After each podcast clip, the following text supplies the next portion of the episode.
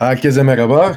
Kolektif Cast'in Catenaccio programının yeni bölümüne hoş geldiniz. Bugün e, dünyayla Galatasaray'ın son gündemini, son maçlarını ve artık sezonun da e, son iki maçına gelmişken bir sonraki sezonda ne gibi bir planlama olabilir, kimler kalabilir, kimler gidecek e, bu tarz konular hakkında ufak bir değerlendirme yapalım dedik. Aslında Oğulcan'la e, bir bölüm çektik hatta onlar e, büyük ihtimalle bu bölümden biraz daha önce yayında olacak.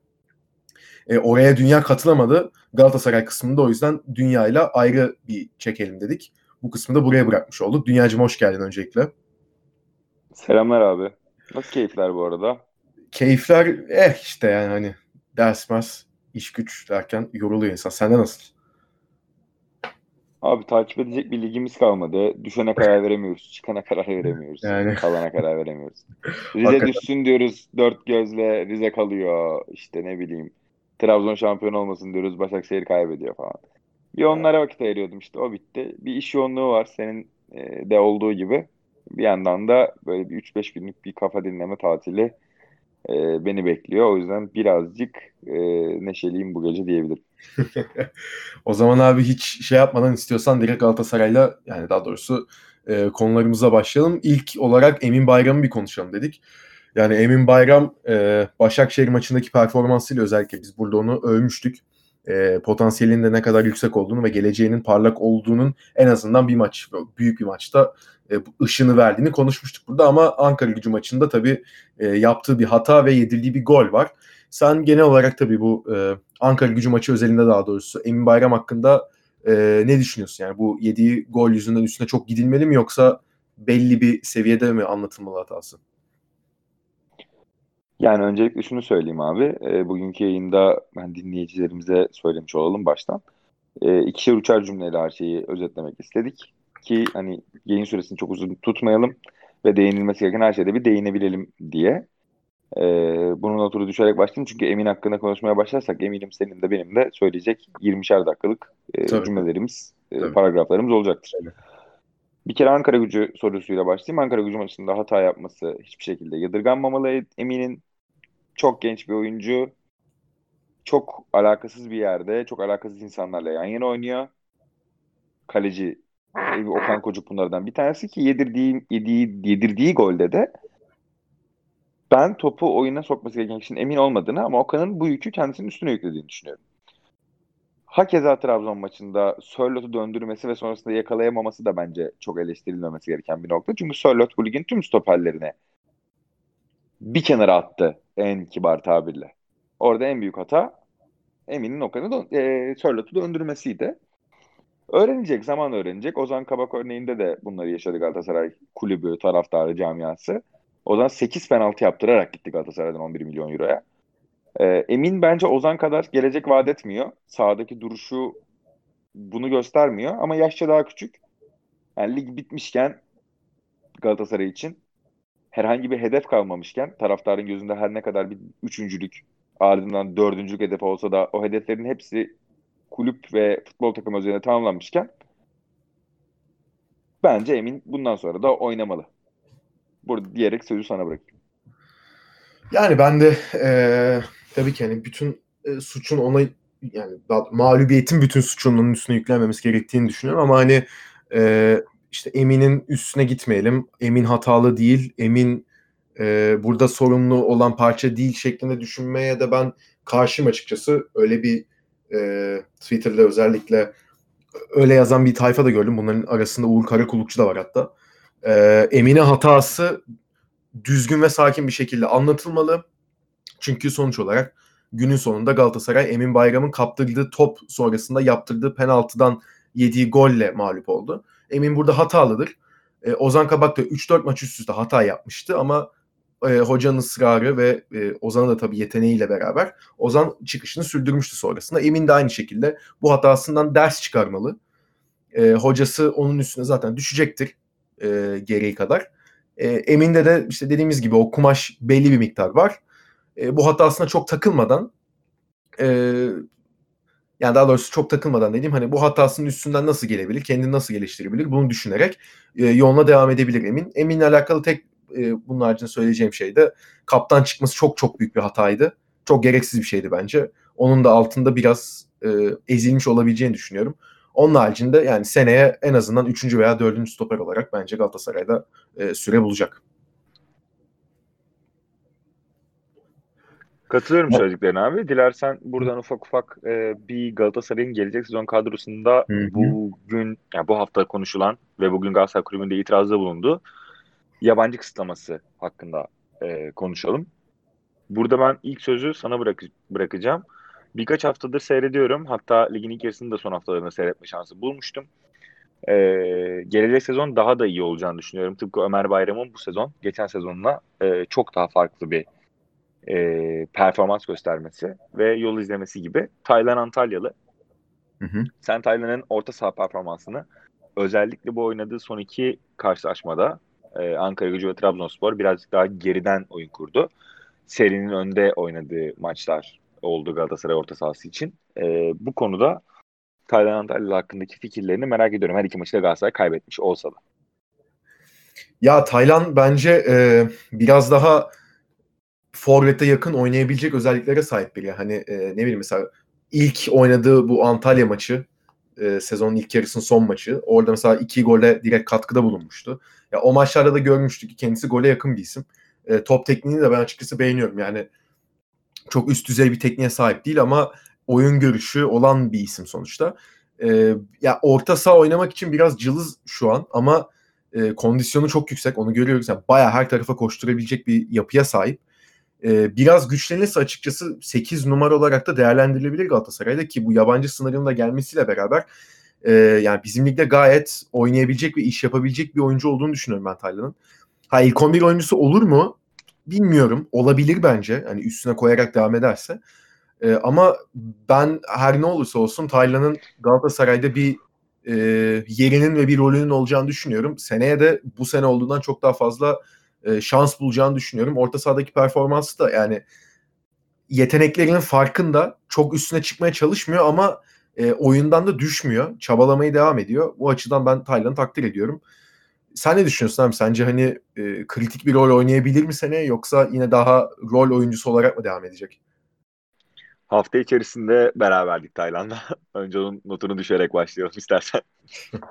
o yüzden çok negatif bir şey söylemem burada e, doğru olmayacaktır. Zaten çok negatif bir düşüncem de yok. Yani Tayland hakkında söyleyebileceğim en negatif şey e,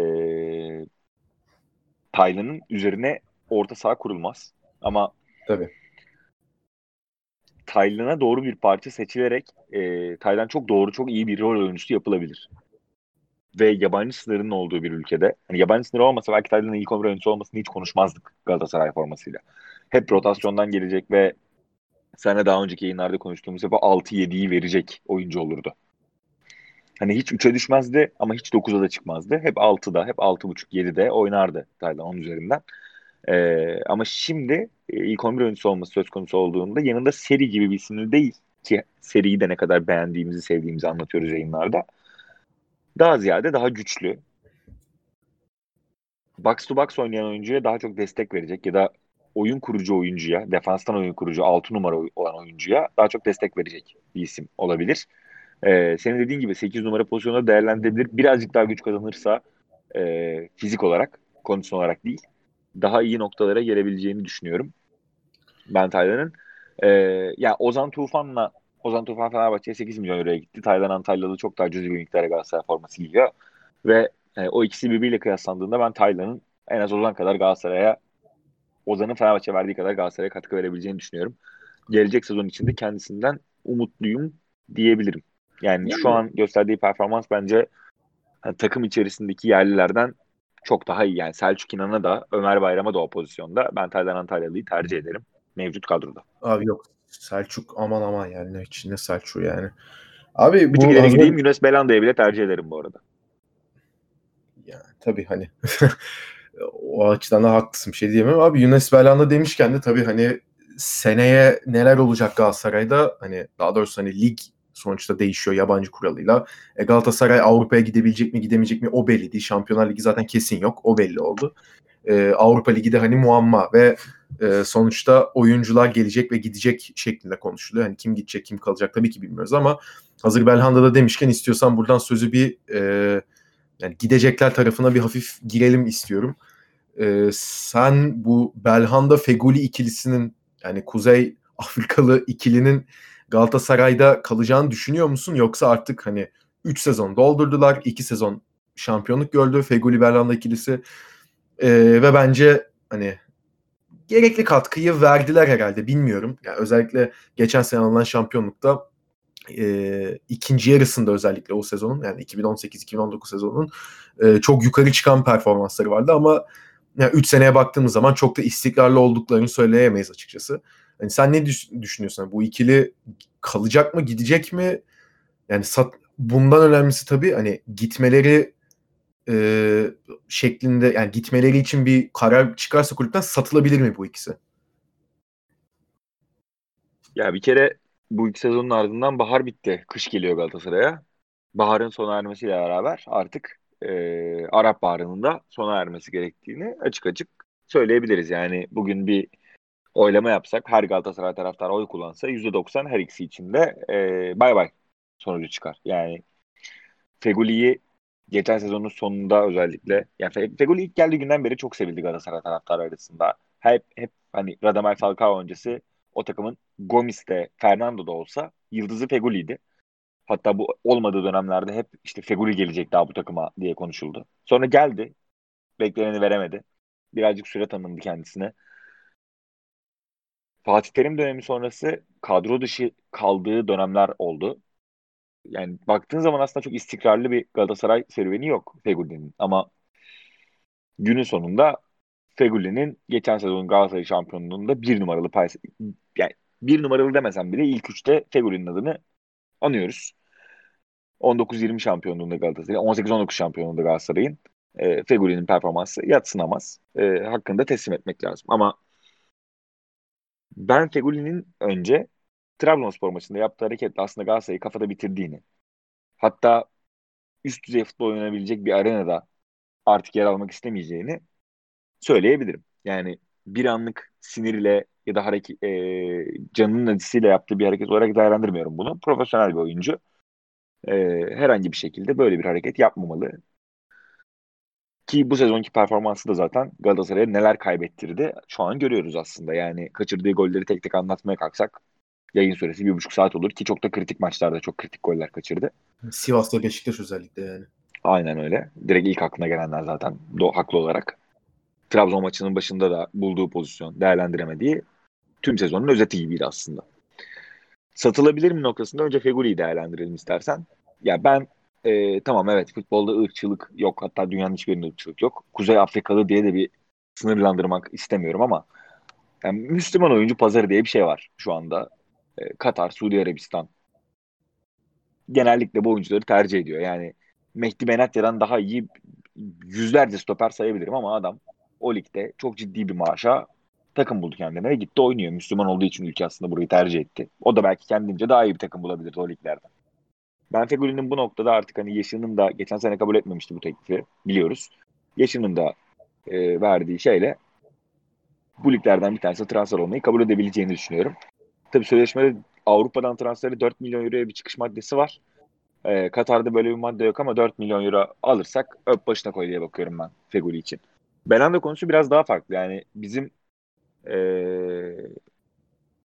sustan olmuyor, susmasan olmaz e, şeyimiz biraz Belanda. Yani boştan doluya koysan doludan yani do, boşa koyuyorsun almıyor, doluya koyuyorsun dolmuyor bir oyuncu yani. Ben en çok destekleyenlerden bir tanesiydim. Hani taraftarı küfür etti. Ben dedim ki hani gerek yok bu adam sahada kazanmak istiyor demek ki o yüzden yapıyor bunları falan. Yok yani onun da günün sonunda artık milyadını doldurduğunu söylemek gerekiyor Galatasaray formasıyla. Belki bu iki isim de tamamlayıcı oyuncularla iki değil de dört sene çok daha iyi performans gösterebilirdi ama o tamamlayıcı oyuncuları takımdan gönderdiğiniz zaman bu sefer bunların üzerine tamamlayıcı yani bunların üzerine ana rol bindi. E, bunu da kaldıramadılar. Yani ben Belhanda konusunda bu arada e, hep bir teklif olduğu konuşuluyor. Bu Al Rayyan, Al Rayil, Al'la başlayan bilimum takım Belhanda'ya bir 5 milyon euro teklif yaptı yani Türkiye'deki haber kaynaklarına göre. E, inşallah yapmıştır yani. Başka bir şey diyemiyorum. Elimi kolumu bağladım. Belhanda'nın gitmesini bekliyorum ki Galatasaray'da transfer yapıp gelecek sezonun kadrosunu şekillendirebilsin. Yine uzattım lafı. E, sana bırakıyorum. Birkaç Abi bu, sen de alalım. Aynen buradan hatta e, işte seneye ya bir sonraki sezonun planlaması nasıl yapılabilir biraz ona da bağlayacağım. Onun üstüne zaten sen de senin de e, alırım fikirlerini de. Yani e, ben de ikisinin artık e, yani süreleri doldu Galatasaray'da ki bence geçen sezonun sonunda da olmuştu. Yani geçen yani 2019 yazında bence satılabilirdi ikisi de. En e, piyasası yüksek dönemleri geçen yani 2019 Haziran'ındaydı çünkü hani 2018 Dünya Kupası'nda yanlış hatırlamıyorsam iki, oynadılar mı? Şey oynadı sanırım söyle adını. Berhanda kesin oynadı da e, çok emin de değilim neyse. Yani 2018-2019 sezonunda gayet e, so, özellikle ikinci yarısında dediğim gibi e, üst seviye performans gösteren bir ikili. Yani Feguli şampiyonluğun en büyük e, pay sahiplerinden bir tanesiydi. Hakeza Belhanda da bir iki ay inanılmaz top oynamıştı yani.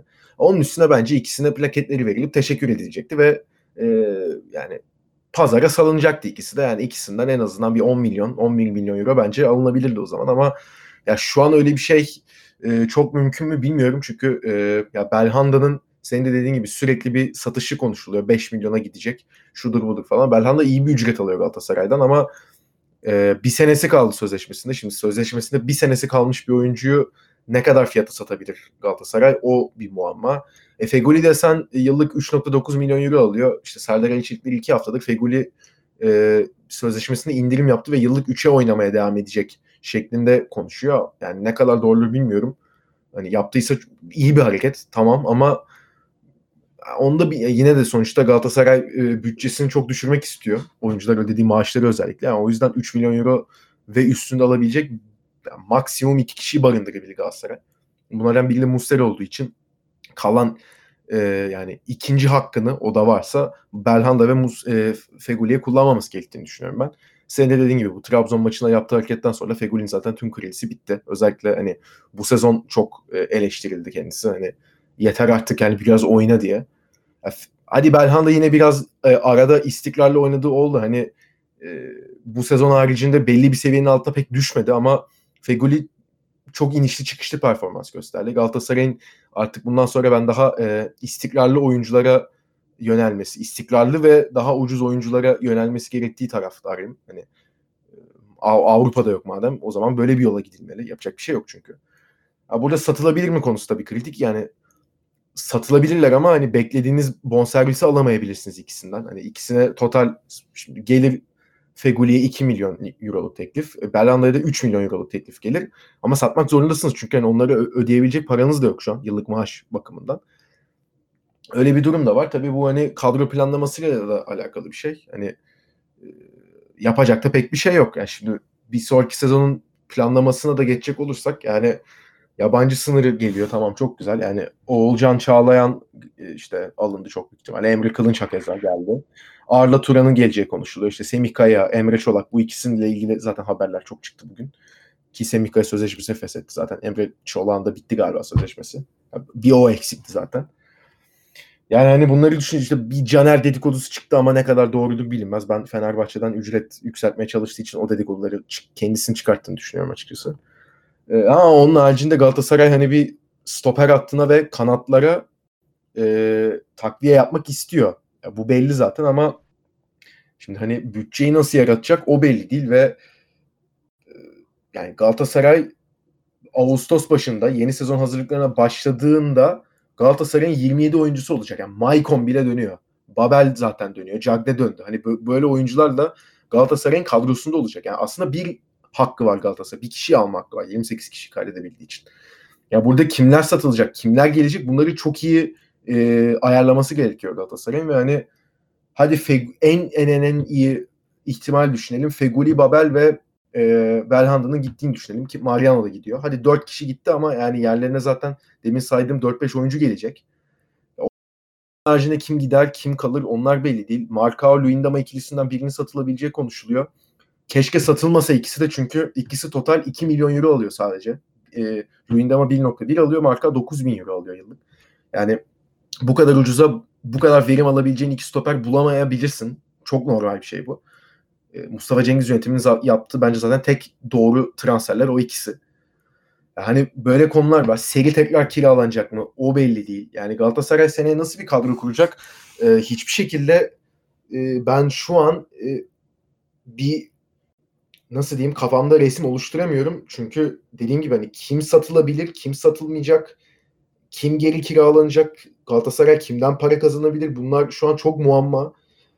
Ve hani öyle bir durum ki e, yani Galatasaray son iki sezondur bütün e, bu işte sattığın kadar al durumundaki finansmanını yani Dursun Özbek dönemi yapılan transferlerden aldı. O zaman işte 40 milyon euroya yakın bir para harcandı. Tamam üstüne e, Galatasaray Avrupa'dan men yedi ama hala o yani o transferlerin ekmeğini yiyor. NDIS satıldı, işte Geri Rodriguez'i satıldı, Fernandos satıldı. E, şimdi Feguli Berlanda satılmaya çalışılıyor. Hani Mustafa Cengiz yönetiminde biraz bence e, bu transfer döneminde düşünmesi gereken şey hani Mustafa Cengiz yönetiminde alınıp üstüne kar edilen oyuncu yok şu an. Satılan oyuncu da yok hatta yani 2018 Haziran'dan itibaren alınan.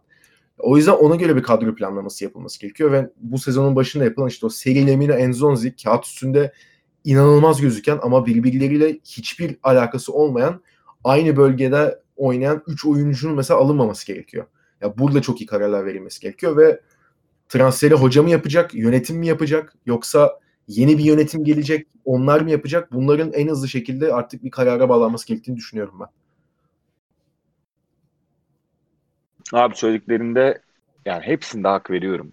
Ee, ama hepsini aslında tek bir cümleyle özetlemek gerekirse çok kısa zaman çok doğru bir kadro planlaması yapması gerekiyor Galatasaray'ın. Yani bu pandemi sonrası dönemi Galatasaray tarihinde yaşanan en kötü dönemlerden biri olarak addedersek öncesinde Galatasaray'ın yeniden şampiyonluğa yürüyen bir takım olduğunu da söyleyebiliriz. Yani şu an mevcut takım her ne kadar eleştirirsek son 10 maçında 8 galibiyet 2 beraberlik almış bir Galatasaray olduğunu da dile getirmek gerekiyor. Ki sezon başında toplanan 24 puan olmasa 17 haftada yani kabus gibi geçirilen bir ilk yarı olmasa Galatasaray'da belki yine bu haftaları Galatasaray'ın şampiyonluk haftası olarak konuşacaktık. Ee, bunun sonucu da aslında şu an konuştuğumuz bu kadro mühendisliği. Yani sene başında çok kötü yapılan kadro mühendisliği hata, hatalardan alınan dersler sonucu ikinci yere iyi bir noktaya evrilip pandemi sonrası yeniden e, dibe çakıldı. Şimdi saydığın isimler gerçekten konuş konuş bitmeyecek bir muhabbet aslında. Ee, ama ben savunma, orta saha ve hücum hattı olarak değerlendireceğim kısaca. Tabii. Bir, ya işte Mariano gidiyor Galatasaray'dan. Bu belli. Ee, Mariano'nun gidişi sonrasında elimizde bir Martin Lines var. Bir de Şener Özbayrak. Ben Lines'in tamam ligin ilk yarısını tamamen kaçırdı olabilir. Ee, bu da belki bence kadro mühendisliği hatalarının en büyüklerinden bir tanesiydi. Böyle bir oyuncuyu yarım sezon boyunca dışarıda bırakmak. Şimdi Lines'in hazırlık kampı yediğini ve takımla çalışmaya başladığını düşüneyim ve Galatasaray'ın sadece ligde olacağını ve işte UEFA Avrupa Ligi'nde ufak tefek hedefleri olacağını düşünelim. Lines burayı idare edebilir arkasında Şener Özbayraklı'yla. Marka Luyendama ikilisinden her ikisinin de satılmaması gerektiğini düşünüyorum ben. Çünkü elimizde satacak daha değerli olmasa bile şu an için e, daha mühim satılması gereken asetler var. E, buraya değineceğim birazdan. Hı hı. Marka Luyendama ikilisinin arkasında mutlak ve mutlak bir stoper alması gerekiyor Galatasaray'ın. Emin Bayram'ı işin içine katsam dahi. Burada Ahmet Çalık var gibi bir cümle asla kabul etmiyorum. Ahmet Çalık yok çünkü. Ya. Marcelo Saratçı Galatasaray'da bir sezon daha kiralık. Bu Galatasaray'ın devre arasında yaptığı doğru hamlelerden bir tanesiydi. Her ne kadar Saratçı'nın inişi çıkışlı performansı ve doğaçlama futbol oyunu olsa dahi Türk Ligi için bence bu idealdir. Şampiyonlar Ligi'nde idare edemez belki ama Saratçı'nın da Vişçe'yi Başakşehir maçında durdurduğunu gördük. Ee, tek örnekte değil yaptığı bindirmelerle, kestiği ortalarla aslında kaliteli bir oyuncu Saratçı. Şimdi Saratçı'nın arkasında aklıma benim kimse gelmiyor. Saratçı'nın arkasında kimse yok. Galatasaray'ın bir sol bek alması gerekiyor. Ee, ve bu oyuncunun Türk olması gerekiyor. Bu çok kritik bir nokta. Süleyman Liloş düşünülür mü? Yani Süleyman Liloş A takımda bu sene bir tane bile idman yapmadı. Bir boş geçen sene alt liglerin biliyorsun PAF ligi kapatıldı bu sene U21. Ee, ve Süleyman Üç'te A takımda bir tane bile antrenman yapmadığı için bir koca sezonu boş geçirdi. o yüzden ben ya. ben düşünüleceğini düşünmüyorum. Süleyman Üç'le ilgili bir tane dipnot.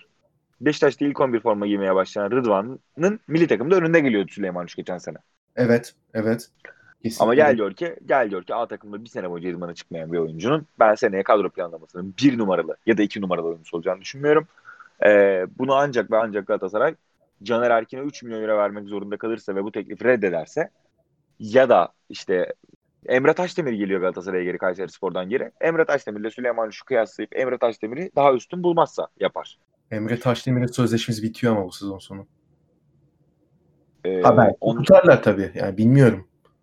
ya Emre Taşdemir Galatasaray'a bir geri dönecek 30 Haziran'da. Ee, ya 30 Haziran'da. Haziran'a dönmesi gereken de dönmesi gerekiyordu normal şartlarda tabii ki ama sezon bitiminde Galatasaray'a bir geri dönecek. O zaman oturup konuştur. Eğer gerekliyse Emre'nin de seve seve Galatasaray forması giyeceğine eminim ben. Yani Savunmayı böyle kapatalım istersen. Ee, orta saha noktasında Galatasaray'ın senin de söylediğin şeyleri tekrarlamak istemiyorum. Seri konusu. Kiralanacak mı devam mı?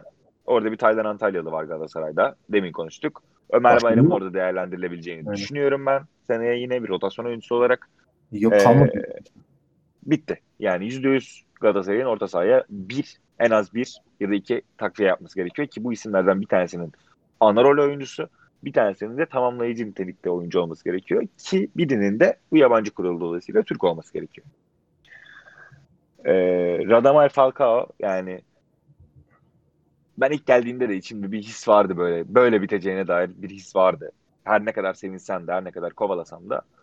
Ee, ben Bak, eminim senin- senin de içinde böyle bir his vardı. Senin burada lafını keseceğim. Oğulcan'la bugün konuşurken aynı cümleyi kurdum biliyor musun? Dünyanın hani şey e, Falcao ilk geldiğinde dünyanın soru işaretleri vardı ama ben- ben çok gazdım. Ben çok istemiştim gelmesini. Dünya da istemişti ama dünya hep bir kuşkulu bakmıştı diye aynen bu cümleyi kurdum bugün Oğulcan'la konuşurken.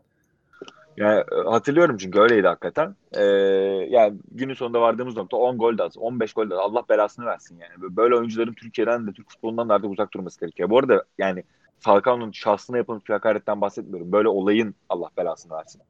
Yani çünkü Bu, bu bir yönetim hatası abi. Yani sakatlık geçmişi bu kadar yüksek olan bir oyuncudan çıkıp 34 maçın 30'unda oynamasını bekleyip aynı zamanda da 20 yani bu adam 20-22 gol atacak diye bir plan yapmak yani işte o bir yönetim hatası. Yani Ben sadece yönetimde de hata bulmuyorum. Yani Radamel Falcao transferi sündürüldükçe sündürüldü. Hatırlarsın Hasan Şaş Galatasaray'ın teknik kadrosundayken bir gün basın toplantısında yani idman basın toplantısında çıkıp ne Falcao'su dedi. Flash'in tabii ne Falcao'su dedi. Yani belliydi o gün Falcao'nun istenmediği ama o kadar fazla sündürüldü ve o kadar fazla Galatasaray yönetimi yalanlamadı ki günün sonunda Falcao Galatasaray forması giymezse Galatasaray yönetimi yine beceriksiz addedilecekti. Abdurrahim Albayrak'ın da- sonra yani- giyecek yani yapacak bir şey kalmadı zaten. Tamam yönetimin beklentiyi ayarlayamaması bir yandan da şımarık Galatasaray taraftarının aşırı baskısı sonucu Falcao Galatasaray forması giydi. Ha kötü mü? Hayır. Marka değeri çok yüksek bir oyuncu. Dünyanın çok iyi liglerinde forma giymiş. Dünyanın sayılı santraforlarından bir tanesi.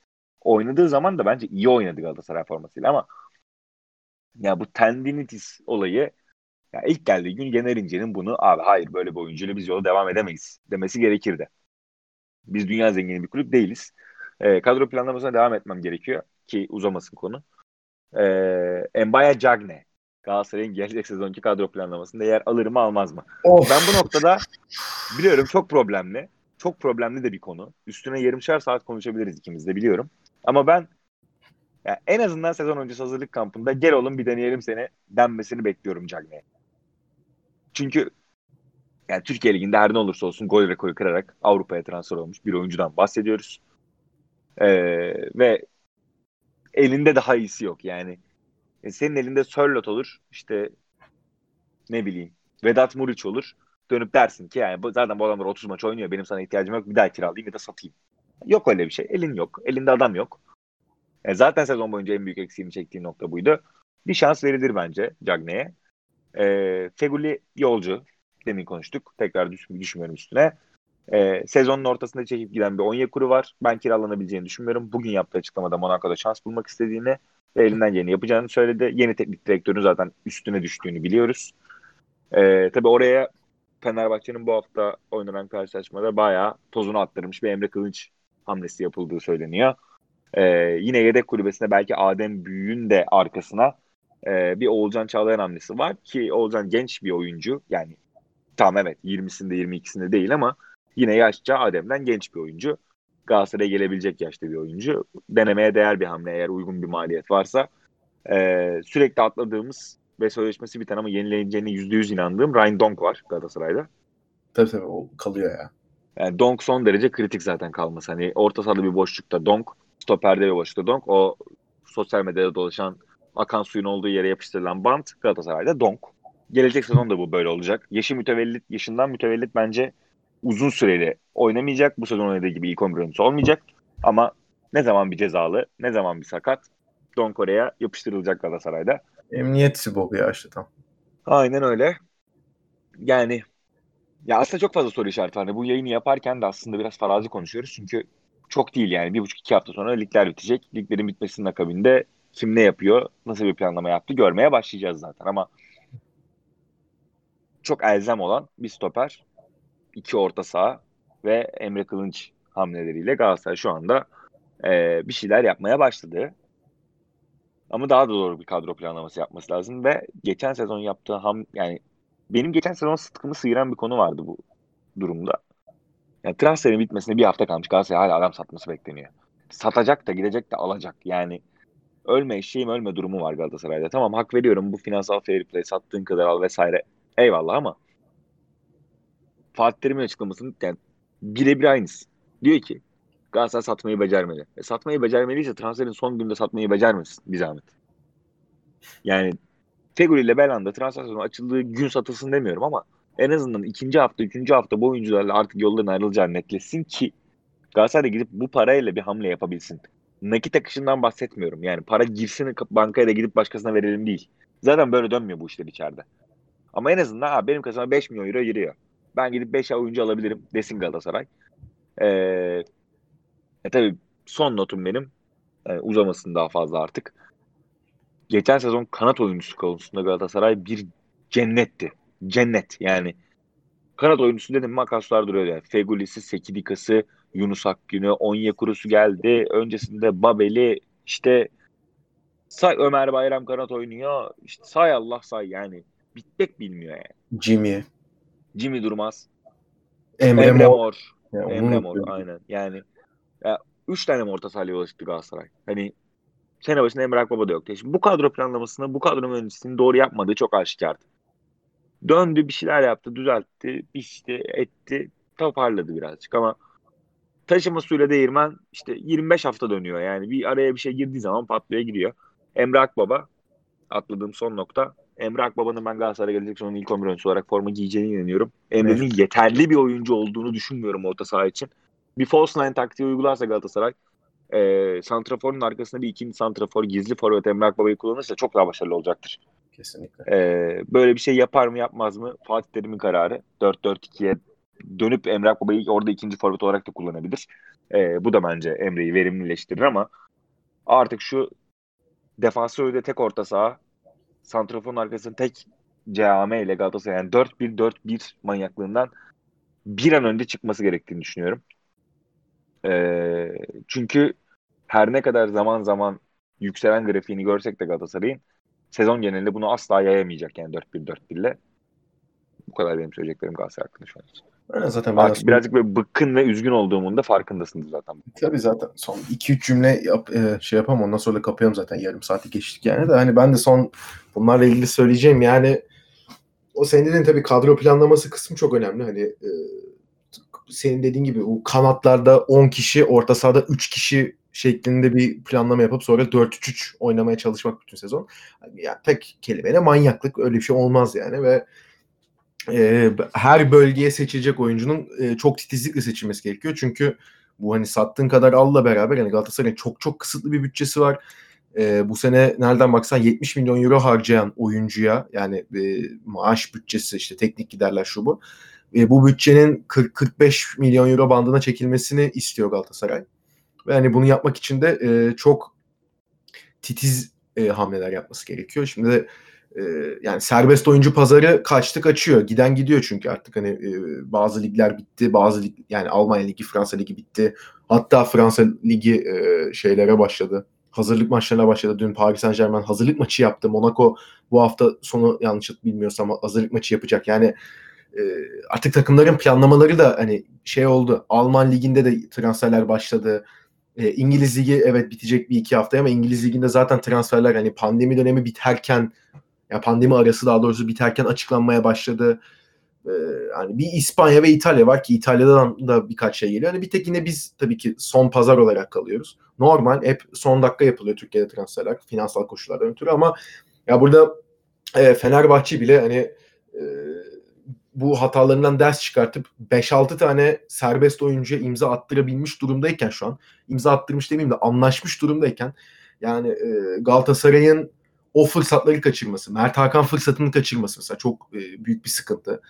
E, hocanın çok istediği belliydi çünkü.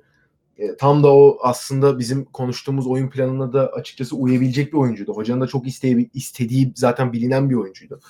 Yani o yüzden hani e, artık bu saatten sonra bence hani lig e, bitmeden şu andan e, hangi oyuncu satılacak? Direkt bunların e, yapılıyordur muhtemelen ama bunların olabildiğince hızlı bir şekilde halledilip yani Ağustos ayına Galatasaray e, satacak oyuncu bırakmaması gerekiyor. Yani Ağustos oyun hadi Ağustos başını geçtim 10 Ağustos'a kadar satması gereken herkesi satıp ondan sonra e, alabildiğini uygun olanı alması gerekiyor.